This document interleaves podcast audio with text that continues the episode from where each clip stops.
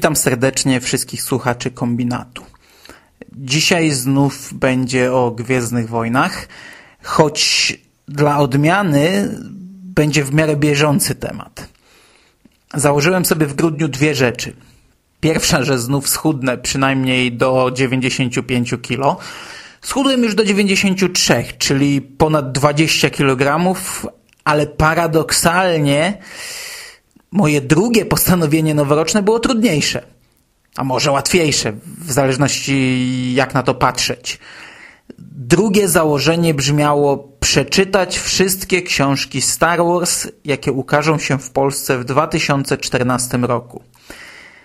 Zwykle to było średnio 6 do 10 tytułów, ale po tym całym bajzlu ze sprzedażą marki Disneyowi zrobił się dziwny bałagan z prawami, i tak jak rozumiem sytuację z wydaniami DVD The Clone Wars, y, czy też z brakiem wydań DVD The Clone Wars, czy posłuchę z polskimi komiksami, które przechodzą z Dark Horse do Marvela, tak nie rozumiem zastoju książkowego, bo te zostają w wydawnictwie Del Rey, a Amber ma jeszcze trochę niewydanych tytułów, na które czekaliśmy w tym roku.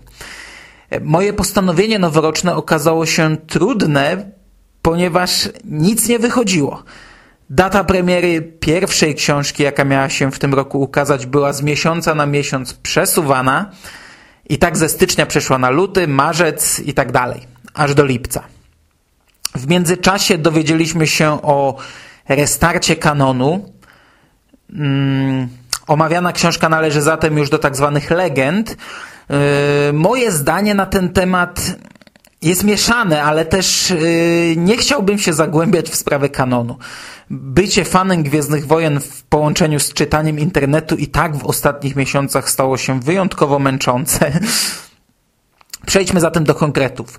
A dzisiaj na warsztat bierzemy książkę Tima Lebona pod tytułem Świt Jedi w nicość. Tim Lebon y, jest debiutantem w tym uniwersum.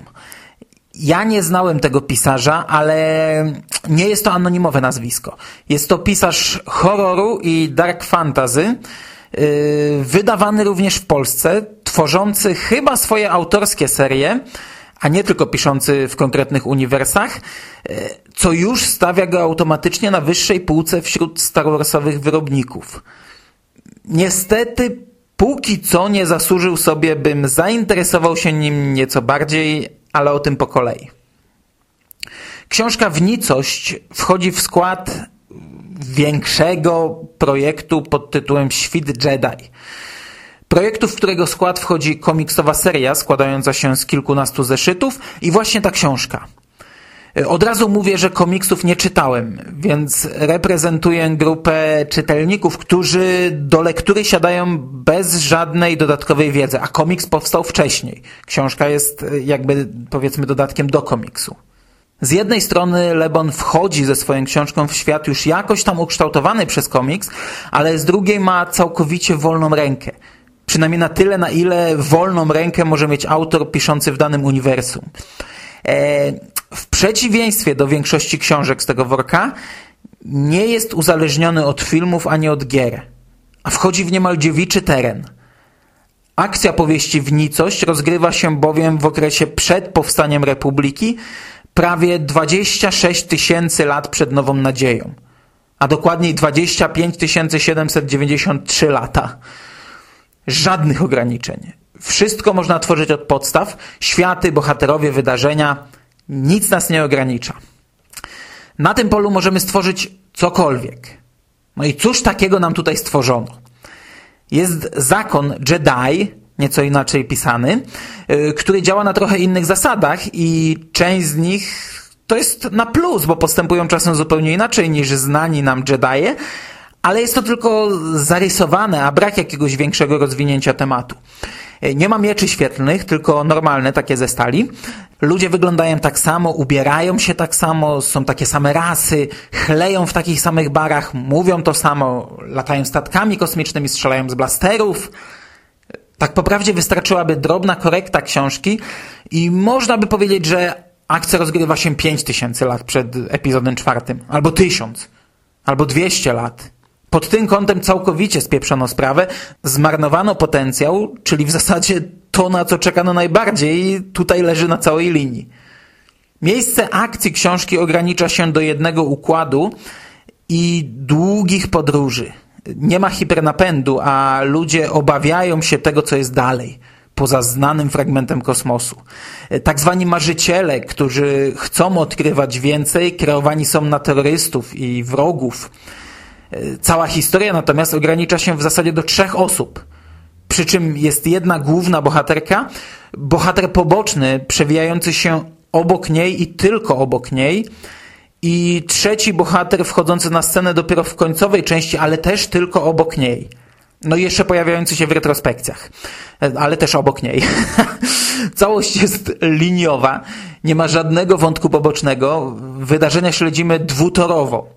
W teraźniejszości główna bohaterka dostaje zadanie odszukania brata, e, członka wspomnianego ugrupowania patrzących w gwiazdy, którzy przy pomocy ciemnej materii chcą otworzyć portal pod miastem. W drugiej linii czasowej, w przeszłości, e, śledzimy historię tego rodzeństwa i ich szkolenia w świątyniach, no i upadek brata. Pierwsza linia czasowa, teraźniejszość, jest przez 200 stron nudna, a przez ostatnie 100 stron jakoś tam daje radę. Druga linia czasowa, przeszłość, e, jest w zasadzie przez cały czas nudna. Od pierwszej strony brat głównej bohaterki jest postacią płaską, papierową, jednowymiarową. Od pierwszej strony wiemy, że jest w nim pełno złości, nie chce się szkolić, nie chce używać mocy, e, robi wszystko po swojemu i na opak. Gdyby był to film, to ten bohater miałby przez 90 minut cały czas taką samą złą, nabrmuszoną, przerysowaną minę. Inni jednak wydają się tego nie widzieć i tak przez całą retrospekcję rodzeństwo wykonuje jedno szkolenie za drugim, brat robi każde z nich źle, siostra ciągle mu współczuje i chce mu pomóc i tak w koło Macieju, raz za razem. Rzecz z potencjałem na pięć stron zostaje tutaj rozdmuchana do pełnego, równoległego wątku na całą powieść. Po prawie 300 stronach kończy się tak, jak można było to przewidzieć od samego początku, ani jedna, ani druga postać nie rozwija się przez ten czas ani trochę. Koniec. Nudy okrutne. Natomiast wątek w teraźniejszości to jest takie pseudośledztwo, które powiedzmy można by skrócić do opowiadania i nic by nie straciło. Im bliżej końca, tym robi się ciekawiej, ale to nadal nie są jakieś przesadnie wysokie loty. Do tego w ostatecznym rozwiązaniu pff, no nic się nie wyjaśnia co z jednej strony ma swój urok. E, końcówka tej książki to jest taki klasyczny odcinek z archiwum X. Wszystkie ślady znikają, wszystko zostaje zatuszowane, świadków brak, dowodów brak, nic się nie wydarzyło. Z drugiej strony wydaje mi się, że w końcówce wkraczamy trochę w komiks. E, bohaterka ma sen o człowieku w masce z mieczem świetlnym, pojawia się jakaś burza, jakiś statek, nie wiadomo skąd, nie wiadomo kto to, e, pojawiają się i znikają, wpływając samym pojawieniem się na rozwój wydarzeń. I ja przyznaję, że no nie do końca załapałem o co chodzi i nie wiem, czy to skutek wynudzenia, czy efekt zazębiania się z komiksem, którego nie znam. Podsumowując, raczej nie polecam.